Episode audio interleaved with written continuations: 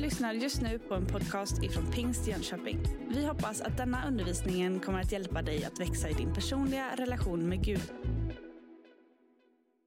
Det här är ju verkligen en underbar dag och när man liksom får, vi har en sån här flaggstång i trädgården och får flagga på pingstdagen, börja morgonen med kaffe liksom på altanen och bara njuta av kavalkaden av fågelsång, så känner man bara det här är ju härligt. Och så få komma till kyrkan och påminna sig om det som förändrat världshistorien. Men det är inte bara en historisk punkt, utan det är någonting som du och jag kan få erfara idag. Att den här gudstjänsten ska fortsätta att uppmuntra och samtidigt utmana dig till mer av Gud i ditt liv. Sen firar vi med tårta. Det är ju bara det värt att liksom vara kvar länge i kyrkan, äta mycket tårta. Och sen så om det är så att du vill hänga med, så nere vid Vätterstranden vid volleybollnäten, där, där är liksom eftermötet sen efter. Eh, så att, har du ingen som du kan eh, picknicka med senare idag, så bara kom dit så är vi flera från kyrkan som är där. Och känner du inte igen alla där på stranden, vet du inte riktigt vem som är vem, så gör du ingenting att bara hälsa på folk. Eh, men om du kommer lite senare på eftermiddagen så kan du hitta en rädisa på något sätt som är som ett stoppljus i ansiktet och vit på resten av kroppen. Och det är jag. Så då, är det bara, liksom, då kan du ta följe på oss för det så. Faktum är att den här dagens bibeltext som vi alldeles nyss lyssnade till, den eh, har ju liksom en det är ju som en crescendo på en följetong som börjar några dagar innan. Vi har precis firat Kristi himmelsfärd och innan vi liksom landar tillbaka i apostlagärningarna så skulle jag på något sätt vilja att vi hamnar lite grann där i Kristi himmelfärdsberättelsen. Men innan vi gör det så kan vi bara än en gång resa oss upp och så bara ber vi att Gud i sin nåd, i allt det som han har för oss, skulle få rusta oss göra ett, liksom ett verk från honom själv i oss. Och är det så att du är här kanske för första gången i vår kyrka, du brukar inte vara på gudstjänst kanske alls, det här med Gud känns lite avlägset, så skulle jag bara ändå vilja utmana dig, men ändå på något sätt bara låta dig få vara lugn och trygg. Ingen kommer göra någonting mot din vilja. Men att någonstans kanske det är så att du den här dagen skulle våga dig på en bön som säger Gud, om du finns, då får du min sann bli personlig för mig. Kanske är det så att du är här som har varit i kyrkan många, många, många gånger. Du kan bibeltexterna, du känner till väldigt mycket, du kan sångerna.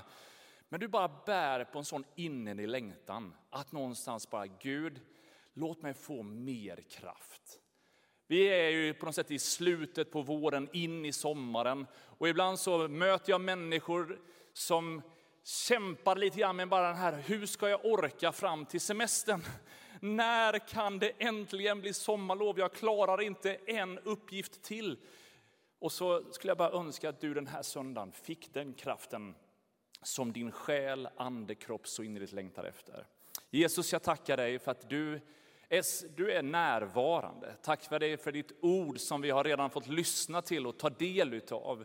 Herre, du är intresserad av att möta med oss. Och nu vet du varenda man, kvinna i det här rummet. Du vet precis vad vi bär på, vad vi längtar efter, vad vi törstar efter. Och jag bara tackar dig Jesus för att du med din suveräna ande kommer oss så där till mötes så som vi behöver. Och jag bara ber om fortsättningen av den här dagen. Fortsätt att andas helig ande och kraft över våra liv. Herre, vi behöver det och vår värld törstar och längtar och behöver ditt rike utav frid, ditt rike utav fred. I Jesu namn.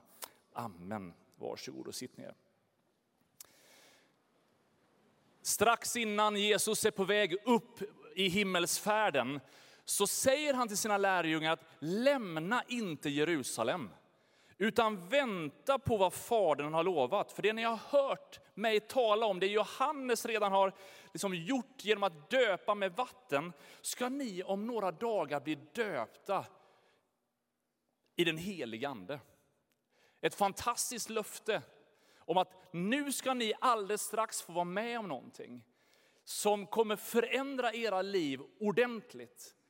Men jag skulle bara vilja utmana kanske någon mer än mig själv i att det finns att vänta på innan man börjar göra massa saker.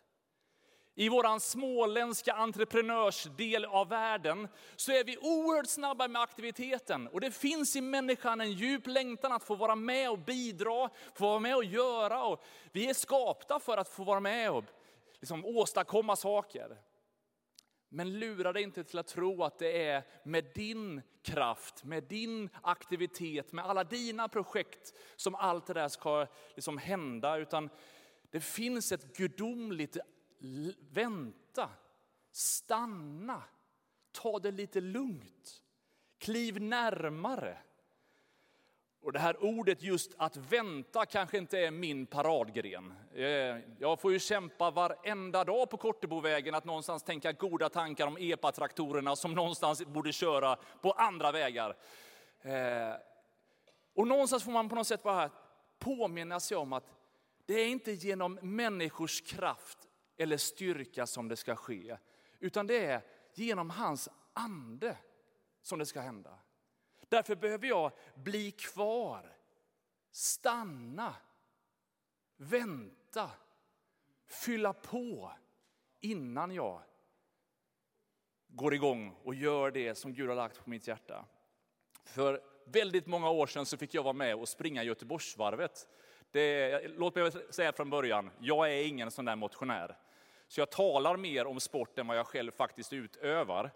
Eh, men det var en sån där gång som jag skulle springa Göteborgsvarvet och så var det några kompisar i kyrkan och sa, vi kan ha såna här t-shirtar där det står någonting bra om Jesus. Så eh, det var några som tryckte upp på ryggen, väldigt sådär diskret, take the city for Jesus. Och så skulle vi springa. Vi hade aldrig sprungit sådana här motionslopp förut. Och så efter bara kanske någon kilometer så kommer man förbi någon slags första vätskekontroll. Och det där hade man ju aldrig upplevt när man bara liksom tränar själv, att det, liksom, det står en massa människor som bara bjuder på att dricka. Så jag tar två stycken muggar med mig, liksom bara så och känner ju redan när jag sippar på den första att jag behöver ju inte det här redan nu. Och jag bara så här kastade bakåt, för man är väl ensam? Nej, det är man ju inte när man springer ut årsvarvet. Så bakom mig så hör jag någon som inte uppskattade evangelisationstexten på min eh, t-shirt kan jag säga. När han eh, fick ett, ett, ett ja, han tvångsdöptes där. Men det jag förstod längs med loppet, det är att om jag inte fyller på med kraft kommer jag inte ta mig i mål. Det går inte på ren vilja, inte i mitt liv i alla fall. Att bara kämpa, kämpa, lite till, lite till. Och Gud vet det, han har skapat oss med en, ett påfyllningssystem. Och han vill möta dig och mig med sin kraft så att du orkar nästa sträcka. Att Gud vet vad du har framför dig den här veckan som kommer på din arbetsplats, i din familj, i det som är ditt liv. Han vet precis vad du just nu går igenom och han vill ge dig kraften så att du klarar lite till. Men han utmanar dig. Lämna inte, vänta kvar, kliv fram, var nära Gud. Vi behöver kraftpåfyllning innan uppgiften.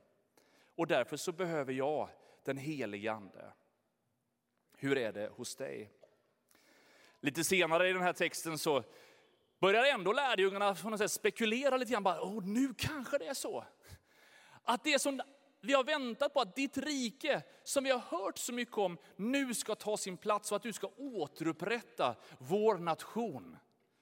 Så säger Jesus så här, det är inte er sak att veta vilka tider och stunder som Fadern i sin makt har bestämt. Men när den helige ande kommer över er så ska ni få kraft och bli mina vittnen. Och än en gång så lyfter han perspektiven och säger, jag kommer komma tillbaka. Mina löften står fast, mitt rike kommer. Det kommer en tid då ondskan för alltid ska få vara fråntagen den här jorden. Men fastna inte i att spekulera i när det sker eller på vilket sätt det exakt sker. När vi läser Bibelns texter så får vi bara erkänna vår ödmjukhet. Att det finns ingen här på jorden som fullt ut kan greppa hur det storslagna, i vilken ordning och på vilket sätt exakt det kommer att gå till. Det enda vi kan exakt slår fast är att han kommer. Och i väntan på att han kommer så ska vi fascineras av att han kommer, men vara upptagna med uppdraget. Att vara angelägen om att föra evangeliet vidare till fler människor. Få vara med och ta evangeliet till så många som möjligt. Och jag märker i mitt eget liv att det är så oerhört lätt hänt att bli upptagen med alla mina att göra-listor. Jag ska fixa det här i trädgården, fixa det här hemma, skjutsa barnen dit. Och som tonårsförälder känner man sig ibland som någon sån liksom så här, nästan olaglig taxirörelse på något sätt. Vi tar ju inte betalt, men men någonstans bland allt det där att göra, allt det där som ska fixas och ordnas, så behöver jag andens hjälp att inte tappa uppdraget. Att dela tron med andra människor. Få vara med och berätta om Jesus, inte bara från talarstolen i kyrkan, utan med mitt liv. Sen kommer vi in i texten, Peter läste majestätiskt. När pingstdagen kom var de alla samlade. Och jag skulle bara vilja tacka dig för att du är i det här rummet idag. Att du har kommit till kyrkan den här dagen. Din närvaro i det här rummet är inte bara för din skull. Det finns någonting i gemenskapen som vi svenskar har svårt att förstå, för vi lever i ett av världens mest individuella land. Och Lars Trägård, en så historiker och forskare, han eh, har gjort en dokumentär om the Swedish theory of love. Där han skriver i sina böcker och i den här dokumentären visar på hur vi i Sverige har dragit självständigheten så långt så att vi har kommit till dess yttersta, bortersta parentes. Och där någonstans uppstår bara ensamhet. Det här är en dokumentär och en forskning gjord innan corona. Där psykisk ohälsa varnas för, ensamhet varnas för. Och vad är det vi möter i vår tid, vårt land just nu? Botemedlet till det är absolut en egen erfarenhet av Gud. Men inte bara där. Låt inte din tro också bli någonting som bara är för dig, utan det är någonting alla tillsammans. Paulus han beskriver i Korintierbrevet att vi tillhör samma Kristi kropp. Och att i en och samma ande är vi alla döpta för att höra till en och samma kropp. Så anden blir personlig men samtidigt en påminnelse om att vi tillhör varandra. Igår eftermiddag så skulle jag koka lite kaffe hemma och bjuda min hustru på lite fika på eftermiddagen. Skulle predika i Kungsporten senare på kvällen, så jag var lite, sådär, lite stressad och nervös. och lite sådär, Man kan vara liksom på anspänningsnivå. Och så skulle ett av barnen ha lite kompisar hemma, ett annat barn skulle vidare till andra kompisar. Så det var liksom mycket i mitt gamla huvud. Och så sådär lite förhastat, när jag ska hälla kaffet i kaffekoppen, så spiller jag det glödheta kaffet på mina små tår. De är ju väldigt obetydelsefulla, de har ju liksom ingen större funktion. Det är inte de tårna som avgör mina högerskott när jag spelar fotboll med Elis i trädgården. Men där och då kan jag säga det att de små tårna gjorde det väldigt tydligt för hela kroppen att de tillhörde kroppen. De fick hela min varelse att någonstans bara hitta både toner och gester som väldigt sällan uppstår. När du tillhör kroppen, när vi alla är samlade, andens gemenskap i kroppen är både att fira tårta, fest och glädje, men också dela smärta, tårar, kamp. Vi känner ett stort deltagande med er som är här idag för parentationen. Vi vi sörjer med den som sörjer. Kroppen angår oss. Vi hör ihop.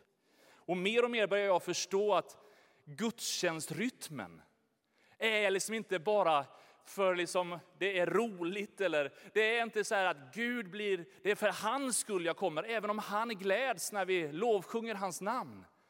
Men jag förstår att han har skapat en rytm som jag behöver. När jag kliver in i det här rummet och hör er be, så blir det lite lättare för mig att be. Jag känner bara, åh vad skönt. I vissa tider i mitt liv så har jag gått igenom tuffa saker och det är svårt att formulera sin bön. Men när jag då kommer in i ett rum där andra ber så känns det som att jag bara åker med i bönetåget. När livet är tungt och sinnesstämningen är lite svår.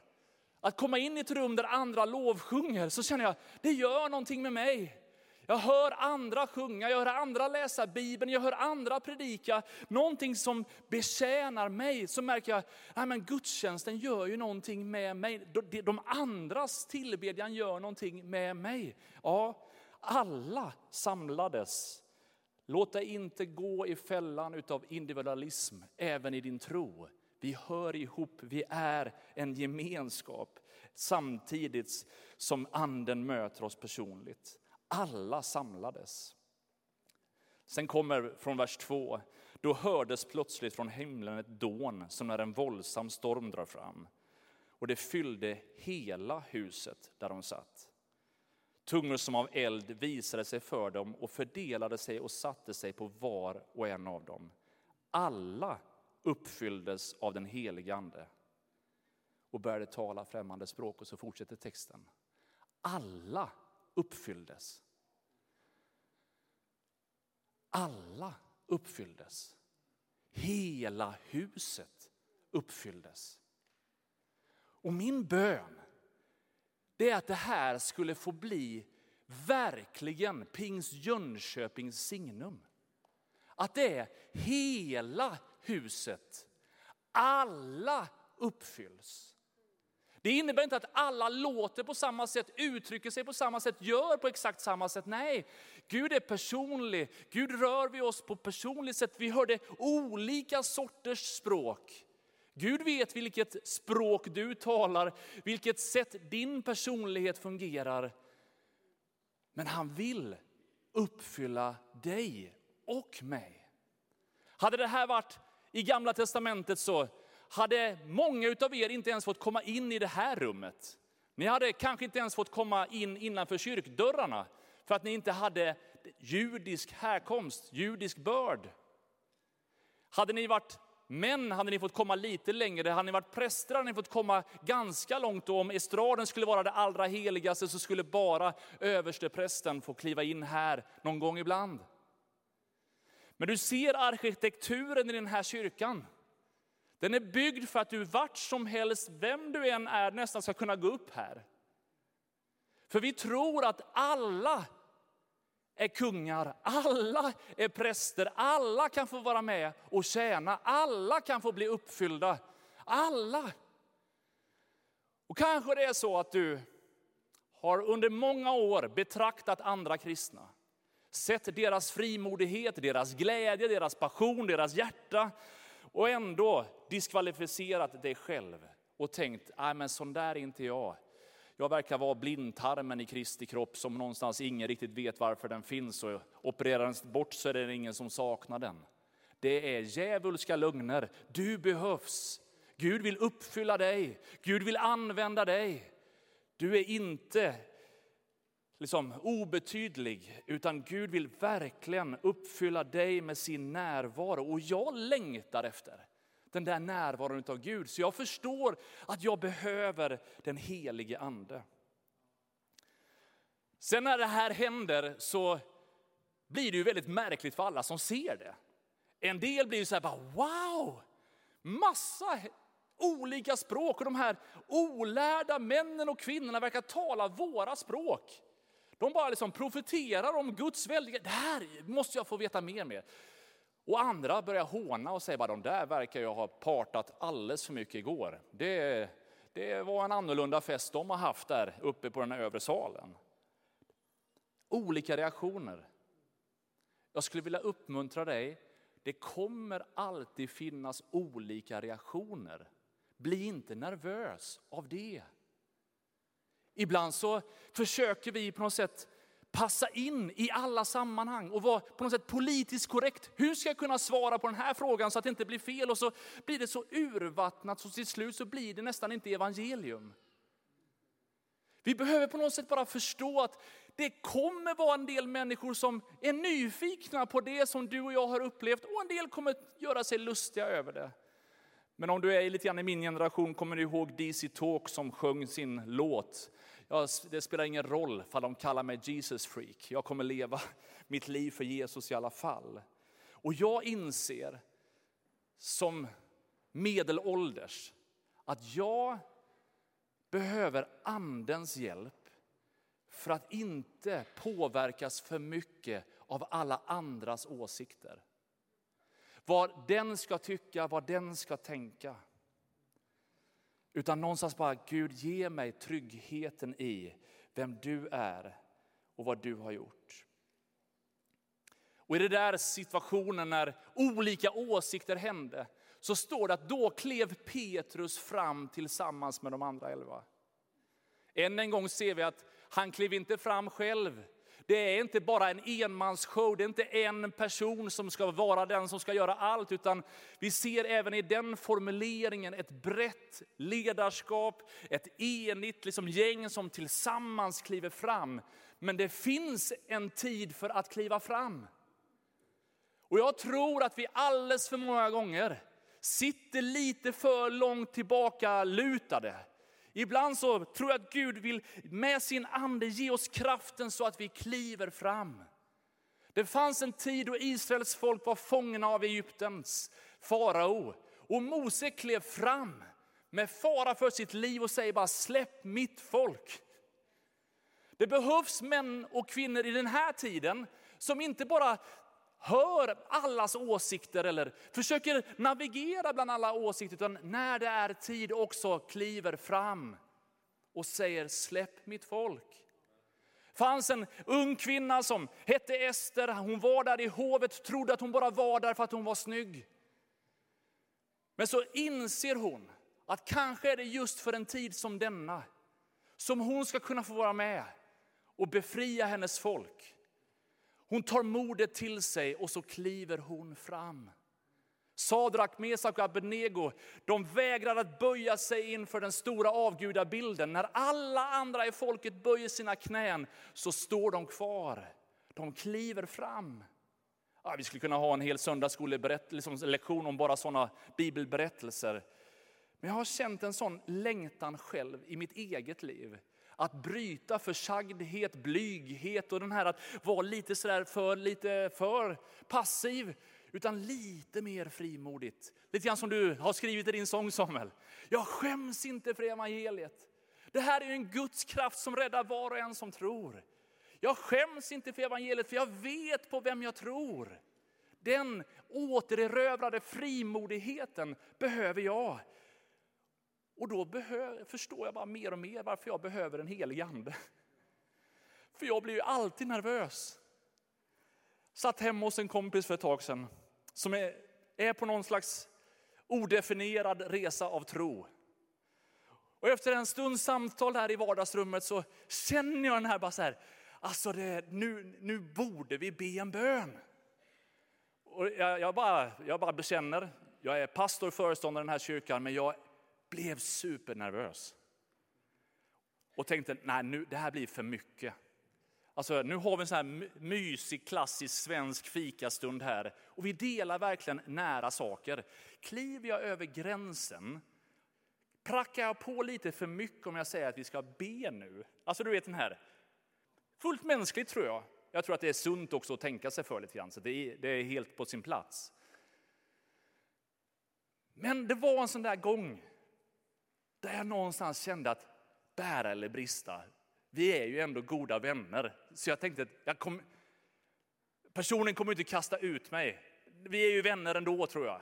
Men så efter en stund så säger jag bara, du, allt det här vi har pratat om, ska vi inte bara be att Gud får visa om det är på riktigt eller inte då? Och så får jag det där trevande svaret, bara, ja jo men det kanske vi skulle göra. Och så tänker jag bara, hur ska jag be nu då? så här, oh, man önskar att man hade liksom en trum, bara så här, det här, få hjälp med dånet. Eller vad, hur ska det hända? Men det var ingen stormvind då, det var, ingen, liksom, det var inga tungor av eld som bara föll över, över vardagsrummet. Men det var en andens närvaro som gjorde både att jag och min vän förundrades över att från ett vanligt vardagsrum i Jönköping kan en enkel bön om att Gud tar hand om oss bara fylla rummet med sin närvaro. Och ibland så tänker jag att just det där kliva fram inte behöver vara så märkvärdigt. Du behöver inte ta mikrofonen och samla hela aulan om du tar studenten nu och liksom ha ett brandtal om din tro. Eller liksom, du behöver inte göra det om du känner att det är det du ska göra det. Men att kliva fram kanske bara innebär att fråga din man eller hustru eller din kompis som du ska träffa eftermiddag innan ni skiljs åt eller i början av din träff, ska vi bara be en bön tillsammans. Kanske är det så att du, det var länge sedan som du bad med ditt barn eller kanske bara ska liksom ta ett litet steg. Bara kliva fram lite. Ibland när jag skickar små grattis-sms till kompisar så kan man också där bara, ja men det kanske ska lägga till en liten grej. Istället för att bara säga, åh du är så härlig och hoppas du får en underbar dag med paket. Önska någon Guds välsignelse. Säga det som att, ja men du, jag tror att Gud har någonting för dig. Kliv fram. Jag behöver det där modet. Jag längtar efter det där modet. Jag vill att vi som kyrka skulle vara ännu mer modiga. Och därför tror jag att jag behöver en helig ande. Frågan är hur det är för dig. När den här texten skrevs så talar man om den löftet som Joel slår fast att i de sista dagarna ska jag utgjuta min ande över allt. Unga som gamla ska leva ett övernaturligt naturligt liv. Och Det här är en bön som jag önskar att vi som församling inte bara ses som en historisk bibeltext som hände då, att det blev ett uppfyllande av Joels profetia på pingstdagen, utan att det fick bli en bön. Att det skulle få prägla oss, oavsett om du är ung eller gammal, man eller kvinna, att Gud skulle få använda oss som ambassadörer för hans rike. Det finns så mycket mirakler, det finns så mycket spännande saker som Bibeln beskriver i, liksom, i andens liv. Och jag önskar att det skulle få vara ännu mer i funktion i våra tider. Paulus han understryker den sista tiden i andra Timoteusbrevet. Men då vrider han på perspektiven och säger att du ska veta att i de sista dagarna så blir det svåra tider. Människorna kommer att vara egenkära, pengakära, skrytsamma, stolta, hånfulla, olydiga mot sina föräldrar, otacksamma, gudlösa, kärlekslösa, oförsonliga, skvallriga, obehärskade, råa, fientliga mot det goda, falska, hänsynslösa, högmodiga. Man vill knappt inte läsa färdigt. Det bara, han bara staplar allting som blir svårt. Och så säger han så här, det kommer människor som kommer älska njutning mer än Gud och ha ett sken av gudsfruktan men förneka dess kraft. Jag har varit sjukskriven några veckor, jag har genomgått en operation och varit avsidestagen. Och eh, jag hade väl hoppats på lite eh, mindre smärta efter operationen. Så att, men eh, jag har liksom varit sängliggandes i flera veckor. Men där har man också fått fundera, fått lite perspektiv. Och just det här bibelordet har legat kvar som en bön i mitt liv. Är det så att jag har sken av Guds fruktan men förnekar dess kraft? Här står jag på plattformen, pastor i Pingst Jönköping, det är pingstdagen. Jag, liksom, jag kan använda alla bibelorden, jag kan alla andens sånger, jag kan citera alla möjliga olika saker. Men är det genuint uppfyllt utav anden i pastorn? Jag kan lura alla med teatern, jag kan lura alla med charaderna. Jag kan lura alla med mina religiösa rutiner. Jag kan vara i kyrkan varenda dag, jag kan göra mitt liv så som det ser ut som om jag har med Gud att göra. Men likväl förneka dess inneboende personliga kraft. Och någonstans så är min bön att mitt liv skulle få levas inifrån och ut. Att det är andens uppfyllelse som ger kraften, ger riktningen, ger perspektiven och förhoppningsvis syns lite grann i mina ögon, min röst, i det jag gör, hur jag förvaltar min tid och min kraft. Kanske är det därför som Paulus säger att tänk lite extra på hur ni lever. Låt er inte bli upptagna med allt möjligt, utan låt er istället uppfyllas utav anden. Tala till varandra med salmer och hymner och andliga sånger. Sjung och spela för Herren i era hjärtan. Låt det få vara en ständig pågående lovsång i ditt inre. Om du har lite nöd för dina barn, om du har lite nöd för din fru eller din man eller din arbetsplats och funderar på så här, hur ska jag kunna, ja, men, låt dig bli uppfylld av anden. Spela till Herrens ära i ditt hjärta. Låt det få vara en pågående ström av tillbedjan i ditt inre. För det hjärtat är fullt av kommer så småningom också munnen tala. Och det finns också situationer där väldigt mycket lyser igenom utan att vi säger någonting. Jag var i ett sammanhang för några år sedan och tänkte att nu ska jag inte presentera mig som pastor. Jag ska undvika allt prat om Jesus. Jag ska försöka bara vara en sån här helt vanlig Svensson i det här rummet. Jag ska, ingen ska kunna placera in mig i något slags fack. Och så hade vi lite olika samtal, lite olika gruppdiskussioner, det var lite allt möjligt. Och ganska långt in i den här resan så kommer så småningom frågan, liksom, men, vad jobbar du med då? Och så på något sätt, den, den, då kan jag ju inte ljuga. Och utifrån det så blev det ett samtal om tro. Och reaktionen var, som jag tänkte, nu, nu förstod de. Då var det en av dem som sa, det där märkte jag på dig redan från första stund. Jag hoppas att det var en bra sak. Jag vet inte riktigt, men jag tror att det var bra. Jag skulle önska att det fick vara så fler gånger i mitt liv. Och kanske är det därför som jag mer och mer förstår nattvardens kraft. När vi nu ska få fira nattvard tillsammans, när vi ska gå in i förbönstunden tillsammans.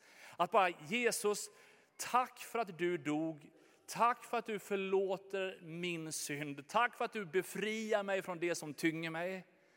För de där människorna som såg på lärjungarnas upplevelse och sa, hur får vi tag på det där livet? Så säger ju Petrus bara, men tro på Jesus, omvänd dig, låt dig döpas, så ska du få den helige ande som gåva. Anden är inte ett diplom efter lång och trogen tjänst, det är en konsekvens utav nåden. När du och jag bara lämnar vårt liv i Jesu händer, när vi säger Jesus jag vill tro på dig, leva för dig, ta emot mig som den jag är, så kan jag i kraft utav hans seger också få bli uppfylld av hans ande. Du har just lyssnat på en podcast ifrån Pingst Jönköping. För att få reda på mer om vilka vi är och vad som händer i vår kyrka så kan du gå in på pingstjonkoping.se eller följa oss på sociala medier via pingstjkpg.